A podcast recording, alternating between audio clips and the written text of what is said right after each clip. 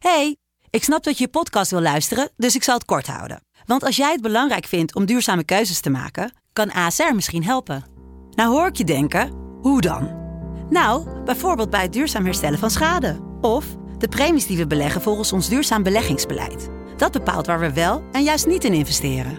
Wil je meer weten over welke duurzame keuzes ASR maakt? Ga dan naar asr.nl/slash duurzame keuzes. ASR doet het.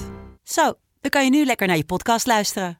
Hey, ik snap dat je je podcast wil luisteren, dus ik zal het kort houden. Want als jij het belangrijk vindt om duurzame keuzes te maken, kan ASR misschien helpen. Nou hoor ik je denken, hoe dan? Nou, bijvoorbeeld bij het duurzaam herstellen van schade. Of de premies die we beleggen volgens ons duurzaam beleggingsbeleid. Dat bepaalt waar we wel en juist niet in investeren.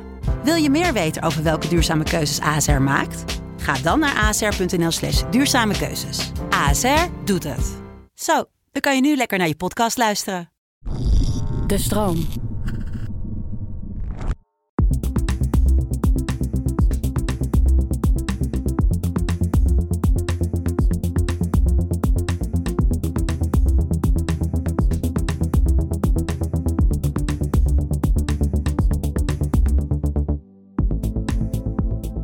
Fijn dat je luistert naar de Podcast Psycholoog. Een podcast waarin ik, Marissa van der Sluis, samen met andere psychologen in gesprek ga over belangrijke onderwerpen. Om zo met z'n allen onszelf en anderen beter te leren begrijpen.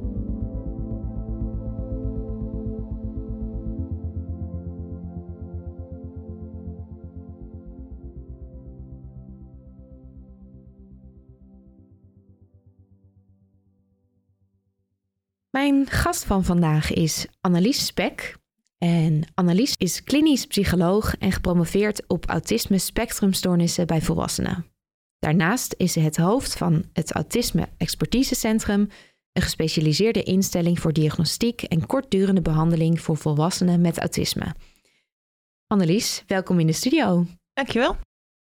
Wat ik me eigenlijk als eerste afvroeg is hoe het komt dat jij zo'n uh, bijzondere interesse hebt voor het onderwerp autisme. Het is eigenlijk al wel een tijdje. Ik ben er wel een beetje ingerold. En op een gegeven moment uh, kwam ik meer met deze groep te werken. En merkte dat ik het wel een hele leuke groep vind. Uh, mensen met autisme zijn vaak heel puur, heel echt. En um, ook de manier waarop ze naar de wereld kijken vind ik heel bijzonder en heel intrigerend ook. Ik werk ook met een heel leuk team, waardoor het heel erg fijn is om met elkaar te werken. En ja, dus dat maakt dat ik nog steeds wel met heel veel plezier met deze groep werk. En ik vind het puzzelen ook wel heel erg leuk. Dus ik doe veel diagnostiek. En dan komen we bij ongeveer de helft van de mensen met, uh, ja, op autisme uit, maar bij de helft ook op iets anders. Dus dat ja, houdt het voor mij juist ook wel heel erg interessant en uitdagend. En dat puzzelen vind ik wel heel erg leuk om te kijken. Wat maakt nou dat iemand bepaalde problemen ervaart in het dagelijks leven? Ja, dus het blijft uitdagend. Maar ook de doelgroep zelf uh, blijft interessant. Ja. En uh, wat bedoel je dan met dat mensen met autisme ook wel echt een bijzonder wereldbeeld kunnen hebben? Um, ik denk dat heel veel mensen denken volgens de gangbare lijnen, zeg maar. Dat je ook goed kan aanvoelen wat een ander uh, bedoelt.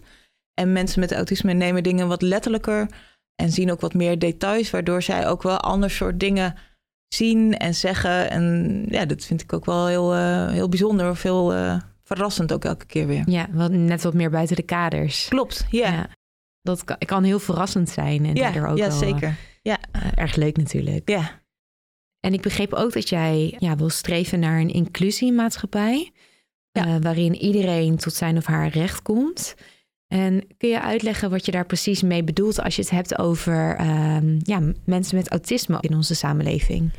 Ja, ik denk dat um, op autisme dus nog steeds een, een, een, bepaald stigma. Ook vanuit werkgevers bijvoorbeeld uh, wordt toch heel snel gedacht... oeh, het is iemand die uh, kan heel veel niet en het is een beperkte iemand. En um, als we met elkaar zo blijven omgaan met mensen met een bepaalde diagnose... dan krijg je heel erg een wij-zij-cultuur. Ja, ja. En het zou heel mooi zijn als, uh, als we gewoon naar het individu kijken en kijken wat zijn jouw talenten, wat is jouw manier van denken en wat is een goede plek voor jou in de samenleving en dat we die plek ook creëren. En als we dat heel optimaal zouden doen, dan is het de vraag of überhaupt de diagnose autisme nog nodig zou zijn voor een deel van de groep. Dan is gewoon iedereen zichzelf met zijn eigen unieke manier van denken. In dat kader is misschien nu ook wel goed, er is um, er zijn heel veel banen en weinig mensen. Misschien dat dit ook een moment is waarop werkgevers wel toch de stap durven zetten om iemand met autisme aan te nemen. En dus ook de ervaring dan op te doen dat als je iemand goed begeleidt en een plek geeft waar diegene past, dat uh, mensen met autisme juist heel veel kunnen betekenen en heel veel waarde hebben op ja. hun eigen manier. Dan hoeft het helemaal niet per se een stoornis te zijn. Dan is het Nee, meer klopt. een variant op van, van ja, hoe je brein gewired is, om Ja. maar zo even te zeggen. En kan je in een bepaalde omgeving juist heel erg floreren. Ja, en dit past ook wel bij hoe we nu steeds meer denken. En eh, daar wordt ook wel de term neurodiversiteit voor gebruikt. Eh, en dat betekent eigenlijk dat iedereen zijn brein op een andere manier in elkaar zit.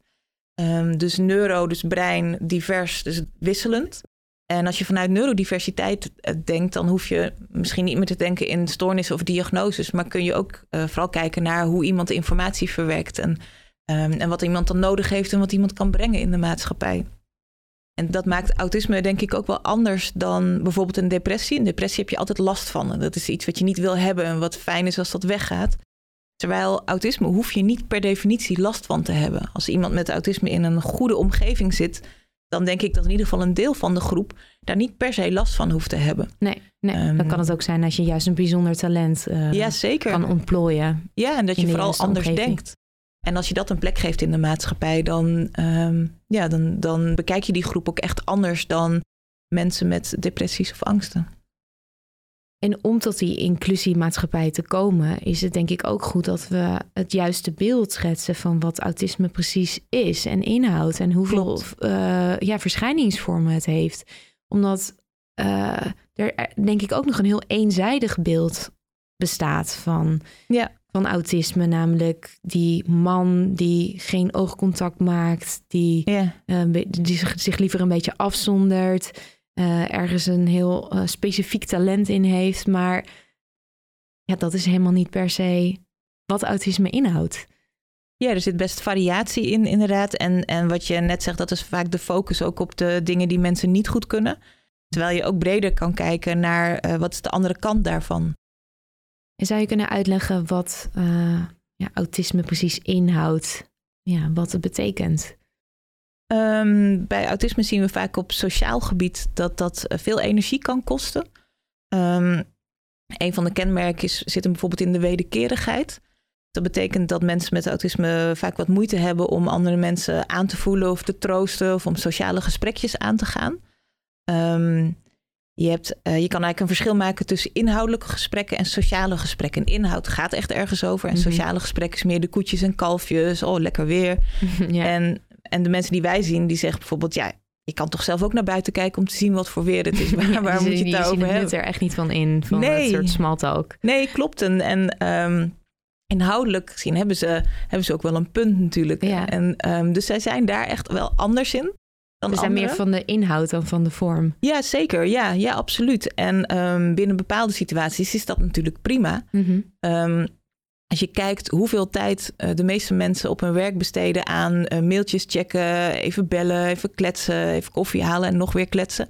Ja, dat, mensen met autisme doen dat vaak niet. Dus in, in die zin zijn zij eh, veel werkgerichter, wat voor een baas misschien juist wel fijn is. Ja, Terwijl andere mensen veel emotie- en sociaal gerichter zijn. Dus dat is iets wat bij autisme hoort. Ehm, ook dat vriendschappen ontwikkelen en gaande houden. of meer energie kost of wat minder in hun aard ligt. Het zijn vaak mensen die juist eh, de zin van het leven ook weer uit andere dingen halen. Of meer uit inhoudelijke dingen in plaats van alleen het, het sociale, zeg maar. Dus dat zijn dingen die we zien. Mag ik er nog wat over vragen? Want eh, het gaat dus ook over het aangaan en het onderhouden van sociale contacten. Ehm, wat vinden mensen met autisme dan specifiek moeilijker of wat gaat minder goed bij het aangaan van sociale contacten of het onderhouden daarvan? Ja, dat is vaak ehm, eigenlijk wat ik net ook al aangaf, de, ehm, het sociale stuk van eh, kletsen over, over ja, niks, zeg maar, of, eh, het weer of iets, dat ze dat lastig vinden. Ja. Maar dus ook het aanvoelen. Een mooi voorbeeld, een, een aantal dagen geleden sprak ik een vrouw met autisme en die zei van ja, dan vraagt iemand hoe gaat het met je? Ja. En zij weet dan niet, wil diegene echt weten waar het over gaat? Of hoe, hoe het met mij gaat en op welk vlak dan? Of, of, Ja. of, of wil diegene dat helemaal niet weten en wil die een kort antwoord? Nou, als je dat niet aanvoelt en je, je moet daar continu over nadenken en dat analyseren, is natuurlijk super vermoeiend. Ja, ja. En dat maakt vriendschappen ehm, ook gewoon heel lastig. Een, een ander voorbeeld is een, een vrouw met autisme. Ik laat het bij lezingen vaak zien. Die, die vertelde op een gegeven moment van... ik zou heel graag iemand willen hebben, een, vriend, een vriendin... die er elke dag is. Maar dan een soort menselijke poes. eh, die gewoon lekker op het kleedje ligt. En een gezelschap zonder dat je er iets mee moet. ja. Ja. En ik vind dit vaak wel heel typerend. Het is niet dat deze mensen helemaal geen behoefte hebben aan contact, of de meeste. Ze willen vaak wel, en er is wel, kan ook eenzaamheid zijn. Maar het contact zelf vraagt zoveel van ze ehm, dat, het, dat het vaak te veel is of te vermoeiend is. Ja. Eh, dus dat is een stuk het sociale. Daarnaast zien we ook dat eh, veel mensen met autisme moeite hebben met veranderingen. Ehm, dus, dus dingen die zomaar plotseling veranderen, een planning bijvoorbeeld, dat kan heel veel energie kosten. En deze groep heeft ook heel veel behoefte aan voorspelbaarheid. Eh, dat dingen vastliggen, dat dingen duidelijk zijn. En als er dan um, onverwacht een verandering is, dan kan dus ook dat heel veel energie kosten.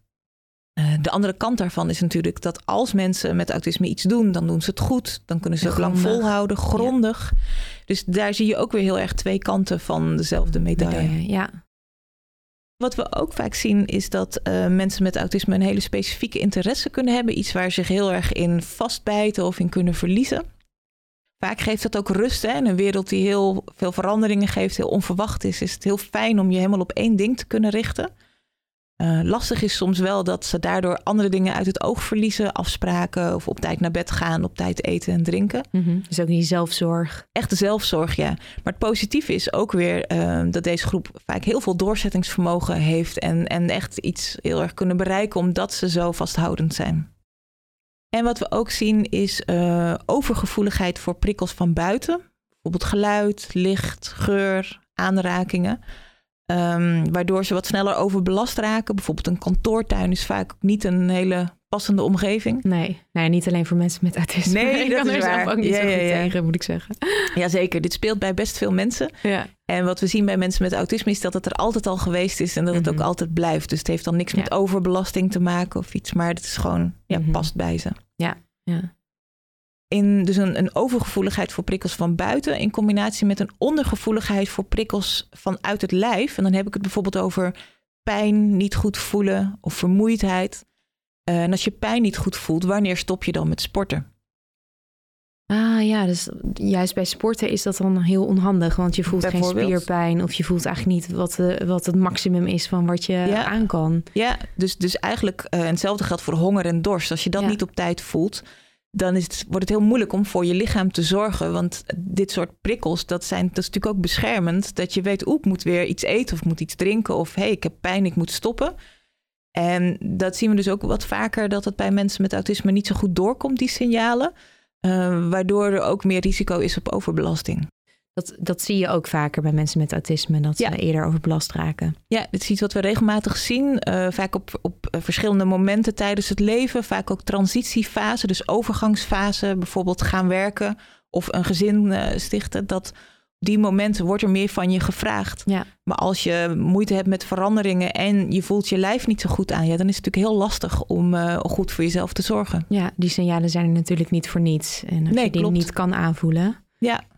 En ehm, ja, dus deze criteria zijn duidelijk. En dit zijn de criteria Mhm. die beschreven zijn in de DSM-5. Dat eh, ja, is het boek met daarin de, de diagnoses, om het maar zo te zeggen, van Ja. de psycholoog. En de nieuwste editie. En in de vorige editie stond nog bijvoorbeeld Asperger, het syndroom van Asperger beschreven. Klopt. Ehm, ja, dat is nu anders, hè? Ja, vorige editie hadden we nog het onderscheid tussen autisme, Asperger en PDD-NOS. En PDD-NOS is eigenlijk een milde vorm van autisme, dus kenmerken. Alleen eh, uit wetenschappelijk onderzoek bleek dat we dat onderscheid eigenlijk niet goed konden maken. En bleek zelfs dat eh, meisjes of kinderen met een migratieachtergrond sneller de diagnose PDD-NOS kregen, jongens sneller Asperger of autisme. Dus op allerlei manieren werkte dat niet. En daarom hebben we nu gezegd, er is nog maar één diagnose. En dat heet autisme spectrumstoornis. En dat geeft ook wel de duidelijkheid. Ook voor mensen zelf. Ja. Dat ook, eh, eh, want het was eerder best verwarrend soms. Dat mensen zich er niet helemaal goed in herkenden. Dus ik denk dat dit wel een verbetering is. Mhm. En autisme wordt nu ook een spectrumstoornis genoemd. En dat Mhm. heeft te maken met dat je dingen ook eh, kunt aangeven op een spectrum. Hè? Dus in hoeverre iemand ergens last van heeft. Klopt. Ja, dus dat, daar zien we ook duidelijk verschillen in. De een functioneert eh, makkelijker in de maatschappij en is bijvoorbeeld wel in staat om te werken en een gezin te hebben. Eh, maar er is ook een groep die ehm, ja, daar veel meer moeite mee heeft en bijvoorbeeld niet zelfstandig kan wonen, niet kan werken. Eh, en daar, daarin zien we wel een, een, een spectrum. Dus met name in de hoeveelheid beperkingen en ja, hoe goed iemand nog kan functioneren binnen, binnen de maatschappij. Mhm. Ja. Dus eigenlijk geeft de- deze eh, beschrijving een veel realistischere afspiegeling van eh, mensen met autisme. Ja, het geeft aan dat het niet één ding is wat er bij iedereen hetzelfde uitziet. Maar dat je ook zeker individuele verschillen hebt in niveau van functioneren en, en de last die mensen ervaren van het autisme. Hoe vaak komt het eigenlijk voor? Dat is waarschijnlijk ongeveer 1 à 2 procent. Eh, misschien wat dichter bij de 1 procent. Dus dat is ongeveer 1 op de 100 mensen. Ja, en is er bekend eh, wat de oorzaken zijn van autisme? Dit is nog best ingewikkeld. Dat weten we nog niet heel precies. Wat we wel weten is dat autisme voor 80 à 90 procent erfelijk bepaald is. Dus dat betekent dat als er in de familie mensen zijn met autisme, dat de kans wat groter is dat, eh, dat autisme ook bij kinderen of kleinkinderen voorkomt. Ja, dus er zit een erfelijke component in. Ja, zeker. En dat is een grote component. Eh, dat betekent niet dat als een man autisme heeft, dat de kans dat zijn zoon of dochter autisme heeft meteen 100% is. Of dat betekent ook niet dat elk kind met autisme een autistische ouder heeft. We zien vaak dat het ook wel generaties kan overslaan. Of dat mensen trekken hebben. Ja. Eh, maar het is wel vooral erfelijk bepaald. En dat erfelijke stuk, dus dat wat op genetisch vlak zit, dat maakt dat je brein wat anders werkt. En dan hebben we ook nog allerlei verschillende theorieën en dingen die we merken in hoe dat brein anders werkt. Mhm. Want zie je dat trouwens ook op scans eh, bijvoorbeeld, dat het brein anders werkt? Of is het, is het zover nog niet ontdekt? Ja, ook dat is best ingewikkeld onderzoek. Ehm, er zijn wel wat onderzoeken die laten zien dat eh, de connectiviteit, dus de connecties binnen het brein, dat die wat anders werken bij mensen met autisme, dus de verbindingen. Maar daar weten we eigenlijk nog niet genoeg van. En dit is best een ingewikkeld onderzoekstuk. Ja, ja, ik kan me ook voorstellen. Je kan vaak niet één gebied vinden die ergens Klopt. verantwoordelijk voor is. Ja, en daar zien we ook weer dat elke persoon met autisme weer anders is. Eh, maar wat we wel weten is dat best veel mensen met autisme eh, een vrij gedetailleerde manier van denken hebben. Dus dat dat brein wat, wat meer vanuit details denkt ehm, dan vanuit alleen de grote lijn. Mhm. Dat is een bevinding. En ehm, dat mensen met autisme, ehm, dat hun brein vaak heel erg probeert de dingen te voorspellen die er gaan gebeuren. Eh, heel veel andere mensen denken, nou, ik zie het wel. Ja, En het brein van mensen met autisme heeft zoiets, nee, ik wil, weten, ik wil weten hoe het gaat. En ik maak alvast een paar voorspellingen en scenario's. Dus dat brein is op die manier ook wel Ah. anders ja, gewired, zeg maar, of anders opgebouwd. is dat dan om een bepaalde ja, controle te, te creëren, omdat de wereld zo onvoorspelbaar is voor mensen met autisme, omdat ze gewoon veel minder goed kunnen aanvoelen en tussen de regels kunnen doorlezen? Ja, dat is mooi gezegd. Ik denk, het gaat hem vooral om voorspelbaarheid te creëren, omdat onverwachte veranderingen zoveel stress geven. En controle is misschien niet helemaal het juiste woord. Het is wat meer een, een, een psychologisch of een karakterachtig stukje. En dit is misschien dat dat brein die voorspelbaarheid heel erg wil. ja, ja, meer op een computerachtige manier wordt dat. eh, Ja, echt meer de hardware, zeg maar. Ja, Ehm, ja, en, en hoe wordt autisme meestal onderzocht eh, bij mensen? Als we diagnostisch onderzoek doen naar autisme, dan kijken we vooral naar gedrag. Ehm, dus dat betekent dat we autisme niet halen uit vragenlijstjes of uit doettestjes. Ehm, uit een intelligentietest haal je geen autisme. Er zijn ook wel testjes die kijken of mensen de ogen kunnen de emotie uit ogen kunnen halen van plaatjes. Nou, dat soort tests. Gebruiken jullie allemaal niet? Nee, omdat Nee. die ook niet valide, valide en betrouwbaar zijn. De enige nu betrouwbare manier om autisme te onderzoeken is kijken naar het gedrag. Dus die dingen die ik net aangaf, hè, of iemand eh, het lukt om vriendschappen op te bouwen en te onderhouden, of iemand moeite heeft met veranderingen. Mhm. En of dat al sinds jongs af aan is? Ja, zeker. Ja. Dus dat betekent dat we met de persoon zelf in gesprek gaan. En we spreken ook altijd met één of twee andere mensen, bijvoorbeeld ouders of een broer of zus. En ook met diegene kijken we, eh, goh, is dit iets wat eh, die persoon al heel lang heeft? Of heeft het mogelijk een andere oorzaak? Ehm, we kijken ook goed naar observaties. Dus of we in het contact ook dingen opmerken, bijvoorbeeld uh, qua oogcontact, of dat iemand in het contact, dat we ook merken dat iemand heel prikkelgevoelig is. Dus die dingen leggen we bij elkaar. En waar let je dan op wat betreft oogcontact, bijvoorbeeld? Of iemand uh, bijvoorbeeld niet geneigd is om te veel aan te kijken, of dat iemand oogcontact überhaupt heel moeilijk vindt, of naar, meer naar het voorhoofd kijkt. Um, ja, want veel mensen hebben dus natuurlijk ook zichzelf dingen aangeleerd. Zeker. In, in de loop de, van het leven. Ja. Om uh, toch meer te lijken zoals de neurotypische uh, ja. personen. Dus dat lijkt me ook best lastig als... Uh... Ja, dat noemen we camouflage. Ja. Um, nou blijft het ingewikkeld om alles helemaal te camoufleren. Dus we zien toch vaak dat het voor mensen bepaalde dingen lastig blijven. Bijvoorbeeld hoe neem je afscheid? Wanneer ga je weg? Um, ga je zelf eerst door de deur of de ander? Dus heel, er zijn best veel subtiele dingen die vooral gaan om aanvoelen. En daarvan zien we vaak dat het lastig is voor, uh, voor mensen met autisme. Hm. Het is ook altijd heel belangrijk om inderdaad naar de jeugd te kijken, dus naar de hele levensloop. Want wat we bijvoorbeeld ook regelmatig zien, is dat mensen binnenkomen met overbelastingsklachten en dat ze daardoor moeite hebben met veranderingen en prikkelgevoelig zijn. Maar dat het dus pas ontstaan is na de overbelasting. En als het dan voor de overbelasting niet aanwezig was, dan is er dus geen sprake van autisme. Mm-hmm. Maar dan lijkt het er alleen maar op omdat er sprake is van overbelasting. Dus het is wel belangrijk om daar goed naar te kijken voordat je een diagnose stelt die eigenlijk het leven lang meegaat. Ja, je moet echt continu die hele context meenemen. Ja, Anders ga je te snel conclusies trekken. Ja, en dat maakt diagnostiek ook interessant om heel goed te kijken naar, goh, je hebt deze klacht, moeite met veranderingen, maar wat ligt daar nou onder? Is dat altijd aanwezig geweest? Of um, zit er ook een angst onder? Of, om zo heel goed te kijken van wat is het nou precies? En is het autisme of iets anders? Ja, want we in de volk, in de, wij in de volksmond zeggen al snel tegen anderen van... nou, doe niet, doe niet zo autistisch. Of yeah. ja, ik ben een beetje autistisch daarin. Maar dat, ja, die diagnose heb je niet zomaar. Klopt. Nee, en dan is het eigenlijk ook jammer dat het zo op die manier wordt gebruikt. Omdat ja. het natuurlijk ook stigma wel um, ja, bevordert, zeg maar. En, en dat is natuurlijk heel jammer. En het is, het is ook vaak niet zo even prikkelgevoelig of even moeite met veranderingen hebben. Is natuurlijk iets heel anders. Precies, ja. ja. Um, toen ik deze podcast aan het voorbereiden was, vroeg ik me ook nog af...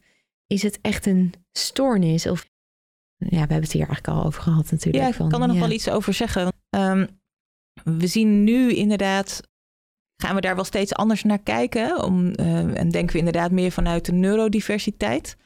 En we zien ook bij mensen met autisme zelf daar veel, veel verandering in. Um, je zei net ook al, autisme was altijd een beetje een soort van scheldwoord of een negatief woord. En um, om die reden zijn we ook gaan zeggen: je hebt autisme. Je bent niet een autist, mm -hmm. maar mensen hebben autisme.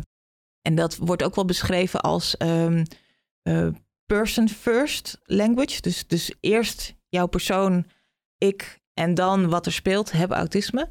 Um, maar recentelijk is daar, zeker in de Engels sprekende landen, denkt men daar ook wel anders over. En wordt ook gezegd van ja, waarom zou je daarvoor moeten schamen? Waarom ja, moet dat ik weggestopt? Ben, ik ben zo en dat is goed uh, zoals ik ja, ben. Ja, en dat is, dat is wat we nu dus meer zien. Dat er ook een groep mensen is die zegt nee, ik ben een autist en daar hoef ik me helemaal niet voor te schamen. En dat, dat noemen we ook identity first language.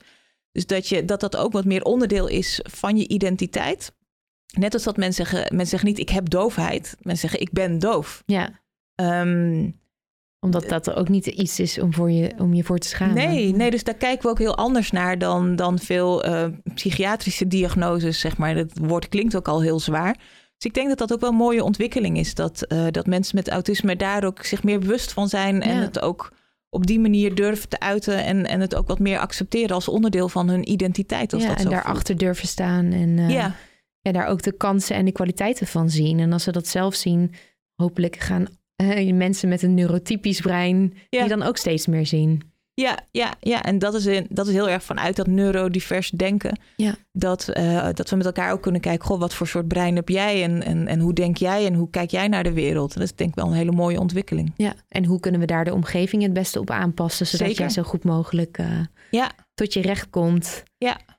Um, ja, want zou je vanuit jouw expertise nog wat meer kunnen vertellen over uh, hoe autisme zich in het dagelijks leven van iemand uit. Um, ja, dus wat zijn bepaalde uitdagingen die mensen tegenkomen, maar wat zijn ook bepaalde talenten die ze vaak hebben, uh, of kansen die er liggen binnen onze maatschappij? -hmm. um, Ik denk de dingen waar ze tegenaan lopen, dat wisselt heel erg ehm, per levensfase, maar ook per situatie. Uh, als iemand met autisme jonge kinderen heeft en, en zelf vooral de opvoeding doet, de kinderen ophaalt van school, naar feestjes brengt. Dat is best een hele pittige situatie. En dan zie je vaak dat mensen wat overbelast kunnen raken doordat er op sociaal gebied gewoon te veel van ze gevraagd wordt en dat te veel energie kost. Ja, dat is continu smalt ook. Uh, als je Zeker, ja. Eh, met andere ouders en Absoluut. feestjes. En ja, Ja. Dat, dat ligt dan net niet in lijn met Nee, waar ze goed in zijn. Nee, inderdaad. Dus zo zien we dat, eh, dat we. Dan zien we ook vaak overbelastingsklachten of angstklachten, somberheid, stress, veel spanning, lichamelijke klachten soms ook wel. En dat is dan eigenlijk een uitingsvorm ook van dat iemand zichzelf aan het overvragen is. Terwijl ehm, als iemand ehm, werk heeft wat heel erg past en waar, waar hij of zij zijn talent in kwijt kan. En daarnaast is er een hele rustige, gestructureerde thuissituatie. Dan zien we vaak dat dat best wel heel goed kan gaan. Ehm, dus de last hangt heel erg af van de situatie. En dat is ook wel vaak waar we naar kijken. Als iemand binnenkomt met bijvoorbeeld overbelastingsklachten. Dat we heel goed kijken naar. Maak bijvoorbeeld een, een signaleringsplan. Dat we per situatie kijken. Hoe belastend is dit? En dan werken we ook vaak met kleurtjes. Rood is heel erg belastend. Oranje is toch ook wel redelijk belastend. Groen, dan kost het geen energie. Zodat je samen heel erg zicht krijgt op wat belast. Maar ook wat je dus kan aanpassen.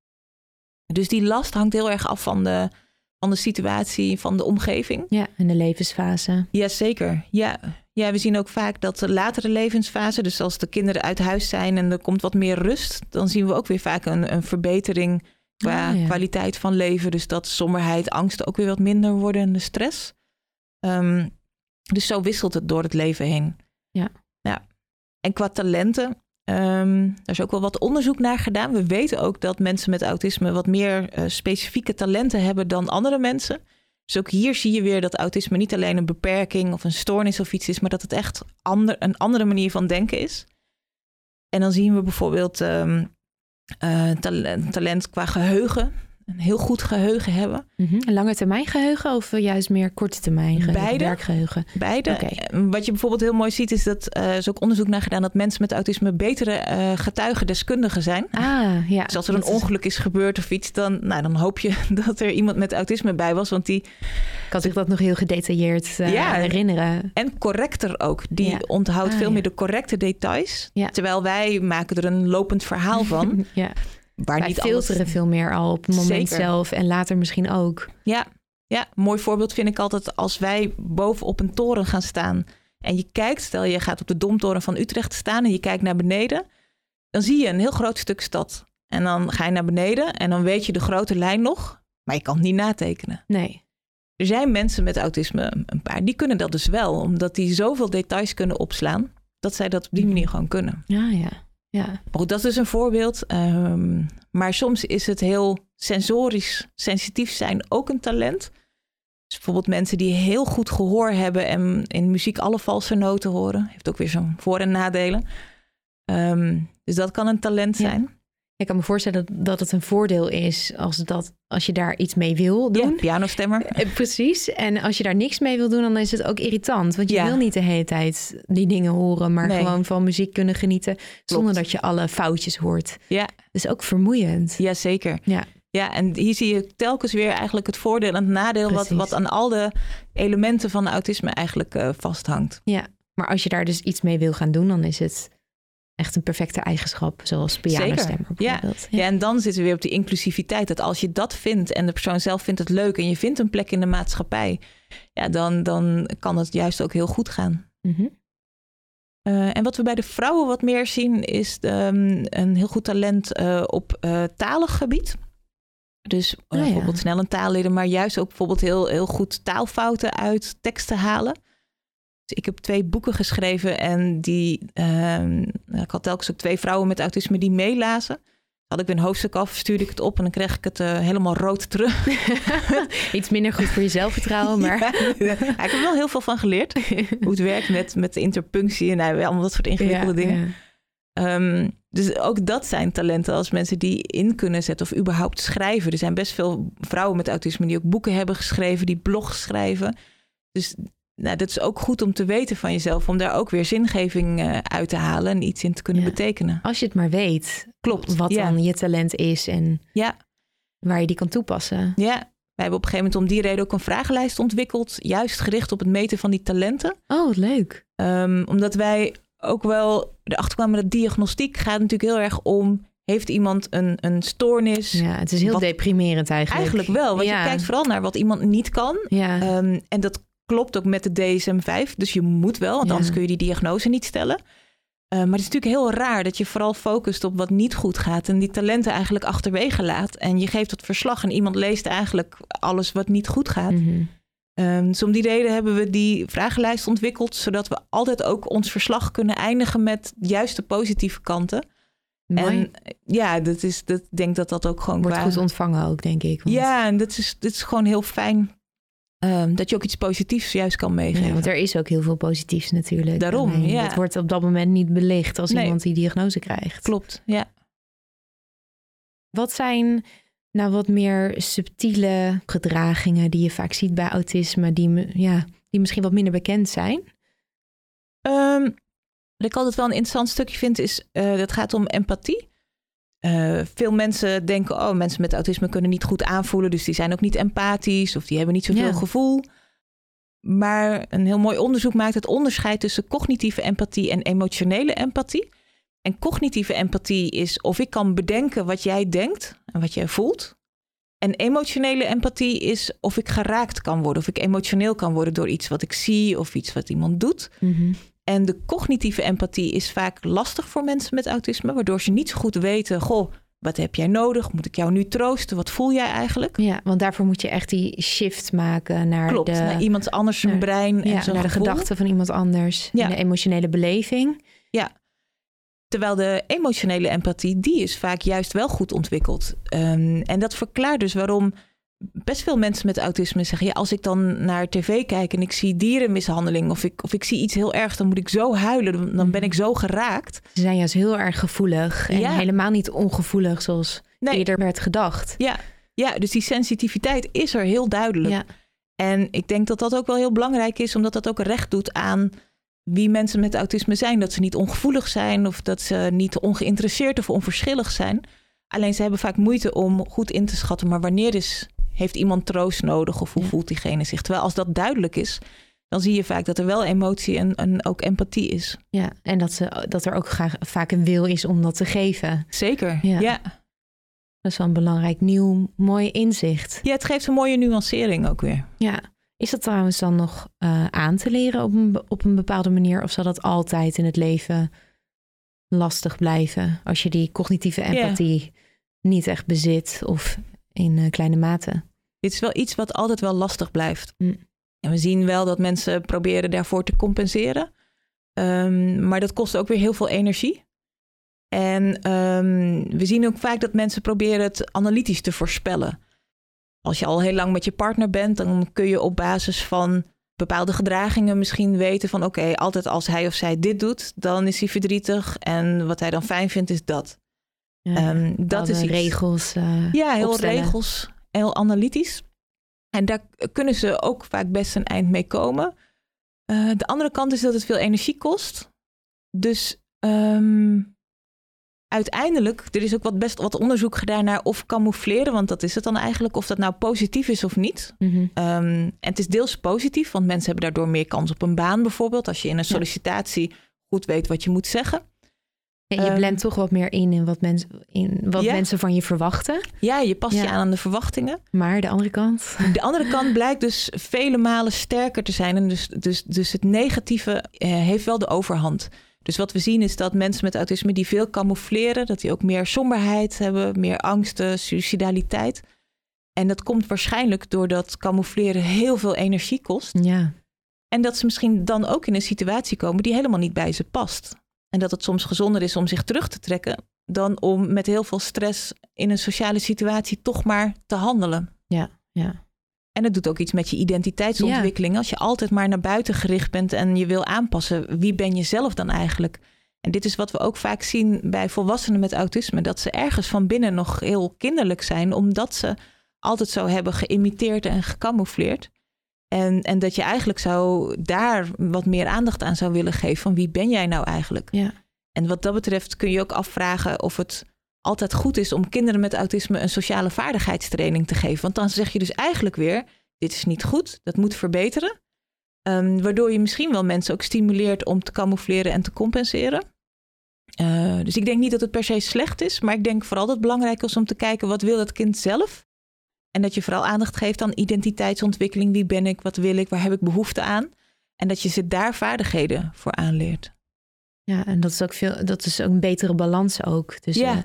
dus bekijken wat, hoe kan je zoveel mogelijk jezelf blijven en toch binnen de maatschappij passen. In plaats van je moet je helemaal aanpassen aan de maatschappij. Ja. Want ik denk dat de maatschappij ook wel met wat meer kennis zich best wel wat kan aanpassen. Absoluut. Aan mensen met een autisme spectrumstoornis. Ja, en dan ga je eigenlijk weer naar die inclusie inderdaad. Ja. Dus je zou kunnen zeggen bij iemand met autisme, je hoeft niet tien vriendjes. Nee. Uh, maar wat vind jij fijn? Wat wil jij graag? En als een kind zegt, nou ik wil heel graag één goede vriendin, dan kun je samen ook kijken, goh, wie zou dat kunnen zijn? En en, um, en, en kijken wat zo'n meisje nodig heeft om, uh, om dat goed te onderhouden en zich daar goed bij te voelen.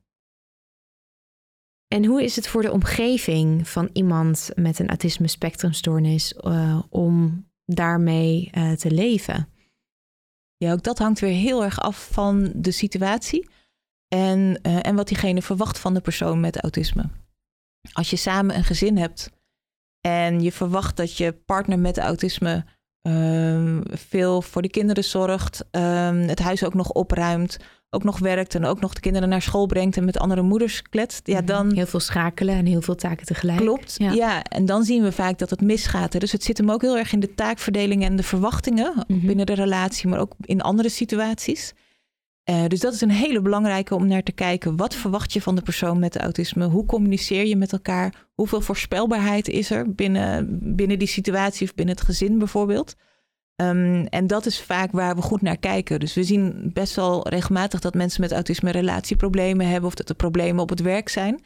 En dan, dan is vaak onderliggend het probleem dat iemand dus overvraagd wordt. Waardoor er dus een andere verdeling zal moeten komen van taken, waardoor er meer voorspelbaarheid of structuur zal moeten ontstaan. Um, soms is dat mogelijk, bijvoorbeeld op het werk of in de relatie, maar ook mhm. niet altijd. Nee. En als dat niet kan, omdat de, de partner dat ook niet kan dragen, ja, dan ontstaat er vaak een lastige situatie. En dan kijk je of dan hoop je dat hulpverlening iets kan doen, of soms is het ook beter als de relatie stopt, als het voor beide mhm. te veel kost. En, ja, want dan, dan passen twee verschillende personen dan niet bij elkaar. Nee, dan past het gewoon niet. En dan kost het van beide te veel. En dat zijn soms ook wel hele moeilijke keuzes. Ja, heel tragisch lijkt me dat. Ja. Omdat het, niemand kan er iets aan doen. Maar nee. het kan toch ook zo niet verder. Klopt. Dus in een, in een romantische relatie moet je heel duidelijk zijn over wat je verwacht moet er dus ook hele duidelijke communicatie zijn. Het liefst ook een bepaalde voorspelbaarheid. Ja. Um, ja, en hoe is dat dan als je een kind hebt met autisme? Als ouder zonder autisme en een kind met autisme. Bijvoorbeeld, ja. Ja, ook dan zul je veel moeten aanpassen en voorspelbaarheid moeten creëren. Veel duidelijkheid geven, veel uitleggen ook. Bijvoorbeeld over wat andere kinderen bedoelen. Dus je zal wel meer Um, het zal wel meer kosten om, om een kind te begeleiden, um, zodat het zich goed voelt in de huidige maatschappij, waarin toch best veel wordt gevraagd op sociaal gebied, grote klassen bijvoorbeeld, mm-hmm. veel prikkels. Um, en ja, dat kan als ouder best intensief zijn. Ja, want kinderen met autisme zijn over het algemeen sneller gestrest en overprikkeld, neem ik aan. In ja, de meeste kinderen met autisme zijn inderdaad prikkelgevoelig en het sociale vraagt veel of kost veel. Um, we zien soms ook dat mensen met autisme op school best een tijd goed doen als er een, een docent is die veel structuur geeft. Als er een kleine klas is en andere kinderen ook gewoon heel respectvol zijn. Of ook um, ja, als er veel inclusie eigenlijk is binnen zo'n klas. Mm -hmm. Maar het gebeurt ook wel eens dat het er helemaal niet is en dat het veel te veel is en veel te belastend. En sommige kinderen vallen ook uit op ja. school omdat het gewoon niet gaat. Worden kinderen met autisme ook uh, vaker gepest? Ja, het algemeen? ja, ook dat is iets wat we zien inderdaad. Omdat ze ja, gewoon niet zo goed aanvoelen.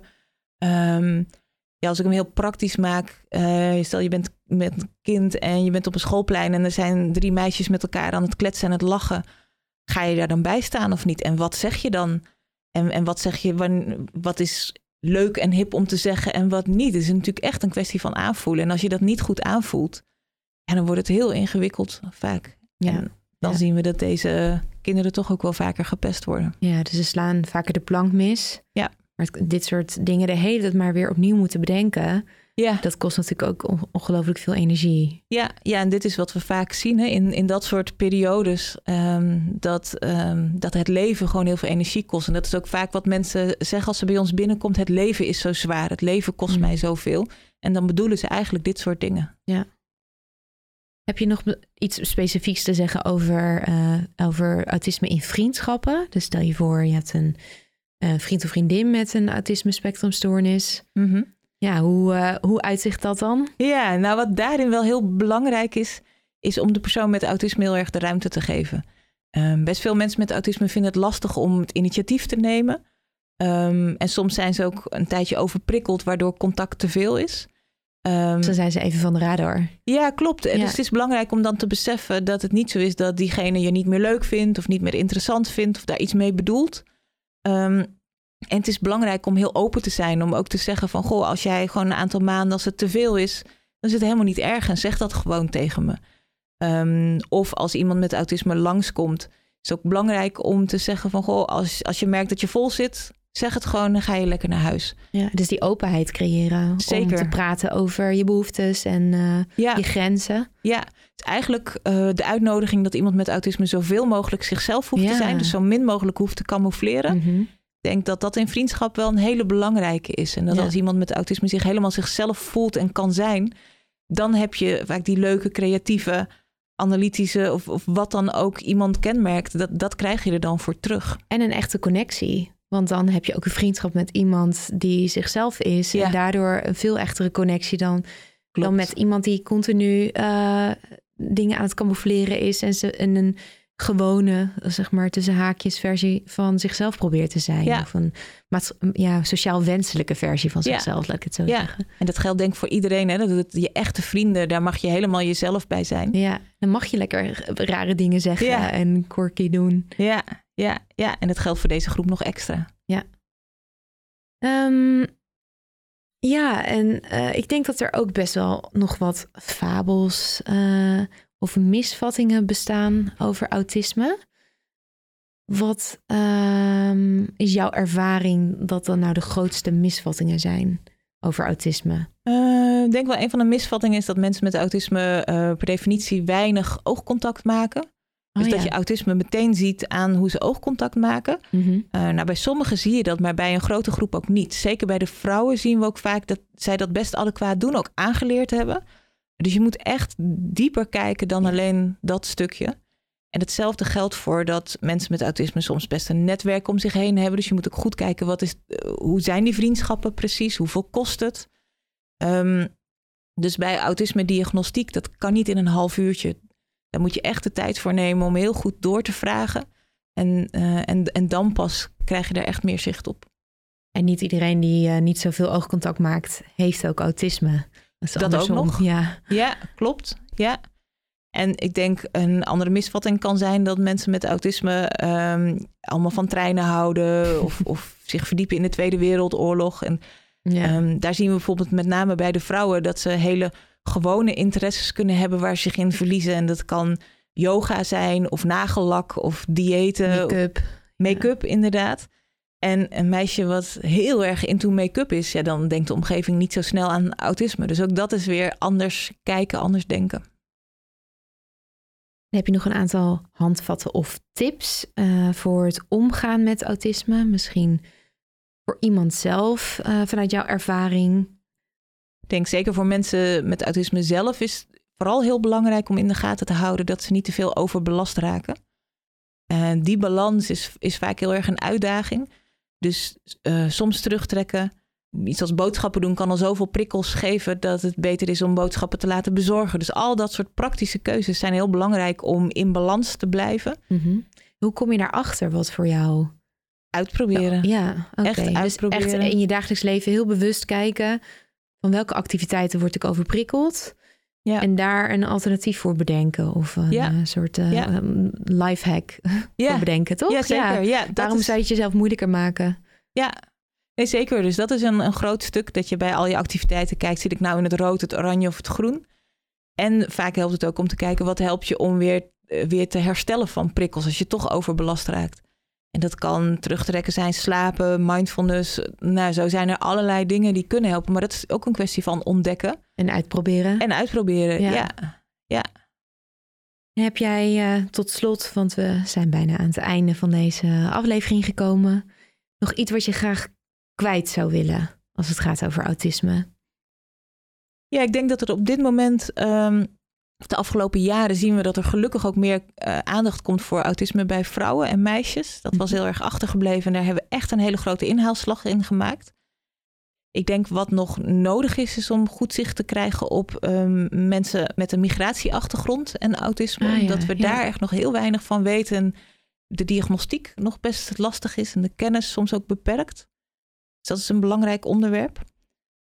En verder denk ik vooral dat als we met z'n allen blijven streven naar die inclusieve maatschappij, dat dat het misschien wel het allerbelangrijkste is uh, wat we voor deze groep kunnen doen. Nou, dit zijn mooie woorden om mee af te sluiten vandaag.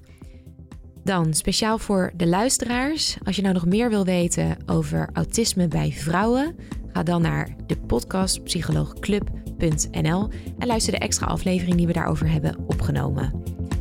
Annelies, Dankjewel. Ja, jij dankjewel.